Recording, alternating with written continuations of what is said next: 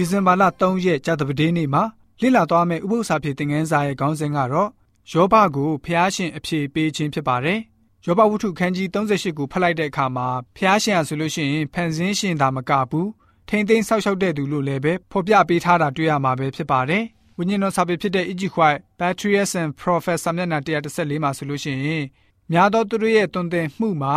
အရာဝတ္ထုတစ်ခုမှာရှည်ရင်ဆွဲတတ္တိအင်အားဆိုတာရှိတယ်။အဲ့ဒီဂုံတတ္တိတွေဟာ အရာဝတ္ထုပစ္စည်းမှာပေါင်းဆက်ပါဝင်လာတယ်။မိမိတို့ပိုင်ဆိုင်ရရှိထားတဲ့တတ္တိခွန်အားတွေကိုစုပေါင်းဖွဲ့စည်းခြင်းအပြင်တဘာဝတရားရဲ့စီမံခန့်ခွဲရေးစနစ်ကိုရောက်ရှိလာပြီးတော့ညီညာတဲ့လှုပ်ဆောင်ချက်သဘောတစ်ခုဖြစ်လာတယ်။ဖျားသခင်ကနေဂျောင်းဝင်လို့တောင်မရဘူးဆိုပြီးတော့ပြောပါတယ်။အဲ့ဒီသိပ္ပံပညာမျိုးဟာမှားယွင်းတဲ့သိပ္ပံအတက်လို့သိနိုင်ပြီးတော့ထထဖျားသခင်ရဲ့နှုတ်ကပတ်တော်နဲ့လုံးဝကိုက်ညီမှုမရှိပါဘူး။ တဘာဝတရားဟာမိမိကိုဖန်ဆင်းထားတဲ့သူရဲ့အလိုအတိုင်းအစီခံနေရပါတယ်။တဘာဝဟာတွေးရှိချက်ဉာဏ်ပညာရှင်းရင်းဆွဲအခြေအနေလှုပ်ရှားနေလေရှိတဲ့ဂုံတက်တိတွေအားလုံးကိုစီကံတကြလေပတ်နေရပါတယ်။အဲ့ဒါတွေဟာခမဲတော်နဲ့သားတော်ဖျားတို့ရဲ့ဆက်လက်လှုပ်ဆောင်ချက်ပဲဖြစ်ပါတယ်။ ခရစ်တော်ရဲ့အမိန့်တော်ရှိတဲ့အတိုင်းယေရှုကလည်းငါခမဲတော်သည်ယခုတိုင်အောင်အလုံးလုံးတော်မူသည်ဖြစ်၍ငါသည်လည်းလှုပ်ဤဟုပြန်ပြောတော်မူ၏ဆိုပြီးတော့ဝိညာဉ်တော်စာပေကဖော်ပြထားပါတယ်။တိပ္ပံပညာရက်မှာဖျားမဲ့ဝါဒရုပ်ဝတ္ထုလက်တွေ့ဩဝါဒတွေကိုအသားပေးထားလွန်းပါတယ်။အထိပ္ပယ်ကတော့တိပ္ပံပညာရှင်တွေဟာရှိပြီးသားအရာတွေပေါ်မှာစတင်လှုပ်ဆောင်တတ်ပါတယ်။ရှုပ်ထွေးပြီးသားအရာတွေကိုလေ့လာစစ်ဆေးတတ်ပါတယ်။အဲ့ဒီနောက်မှာအဲ့ဒီအရာတွေဟာအလိုလိုဖြစ်လာတယ်လို့ မှတ်ချက်ပြုကြပြန်ပါတယ်။နောက်ွယ်အကြောင်းတွေကိုစူးစမ်းဆင်ခြင်ဖို့မစင်စားတော့ပါဘူး။တိပ္ပံပညာတွေရဲ့အမြဲကြွေးကြော်နေလေရှိတဲ့စကားရှိပါတယ်။ကဘာပေါ်မှာရှိတဲ့တက်ရှင်လှုပ်ရှားတဲ့တက်ရှိအားလုံးနဲ့အတူ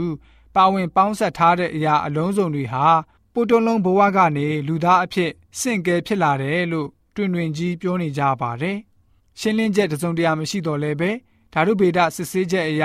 နှစ်ပေါင်းတန်းထောင်ပေါင်းများစွာအချိန်ကြာပြီးတော့အသက်တစ်ချောင်းဖြစ်လာတယ်လို့ဆိုကြပါတယ်။ယာတိဥတုဖိအားနဲ့တဘာဝရဲ့အပြောင်းလဲတွေကြောင့်အသက်ဝင်လှုပ်ရှားလာပြီးတော့ယနေ့လေကိုရှူရှိုက်သွားလာကြတယ်ဆိုပြီးတော့ပြောထားပါတယ်။တဘာဝထက်မြင့်မားတဲ့တဘာဝလွန်ဖန်ဆင်းရှင်အကြောင်းနဲ့တိပ္ပံပညာအခြေအတင်ဆွေးနွေးကြမယ်ဆိုရင်တိပ္ပံပညာကနေလက်မခံနိုင်တဲ့အကြောင်းကတော့တိပ္ပံနီးမကျတိပ္ပံနဲ့လက်တွေ့ဆန်းသက်လို့မရတဲ့အတွက်ကြောင့်မယုံကြည်လို့ မဖြစ်နိုင်လို့ယူဆပြောဆိုပါတယ်။ဒီလိုနဲ့တိပ္ပံနဲ့သဘောတူညီမှုမရှိတဲ့အတွက်ကြောင့်စကားပြောလို့မရတော့ပါဘူး။ကြိုတင်ပြီးတော့ကောက်ချက်ချတဲ့အကြောင်းအရာမှန်သမျှကိုတိပ္ပံပညာကမလှုပ်ဆောင်နိုင်ပါဘူး။စန့်ကျင်နေမှာသာဖြစ်ပါတယ်။ကမ္ဘာပေါ်မှာရှိတဲ့ရုပ်ဝတ္ထုအရာခတ်သိမ်းပေါင်းဖွဲ့ထားခြင်းဟာ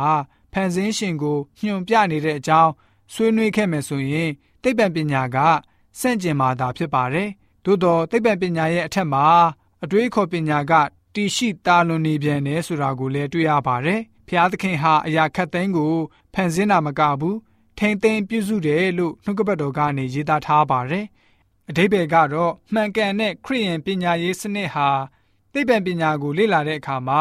ရိုးရိုးသိပ္ပံလေ့လာတဲ့သူတွေလိုမဖြစ်စေရပါဘူး။မူရင်းအကြောင်းမှန်ကိုရောက်ရှိဖို့အတွက်အတိုက်ခံတွေဟာရှိနေမှာပဲဖြစ်ပါတယ်။ဘယ်လိုမျိုးပဲအတိုက်ခံရှိနေပါစေစစ်မှန်တဲ့ပညာရေးဟာဆိုလို့ရှိရင် ဖះရှင်ရဲ့ဖော်ပြညွှန်ကြားချက်များအပေါ်မှာသာမိခုသွားရမှာဖြစ်ပါတယ်ဆိုပြီးတော့ကြာသပတေးနေ့ဥပုသ္စာပြေသင်ခန်းစာကဖော်ပြထားပါတယ်။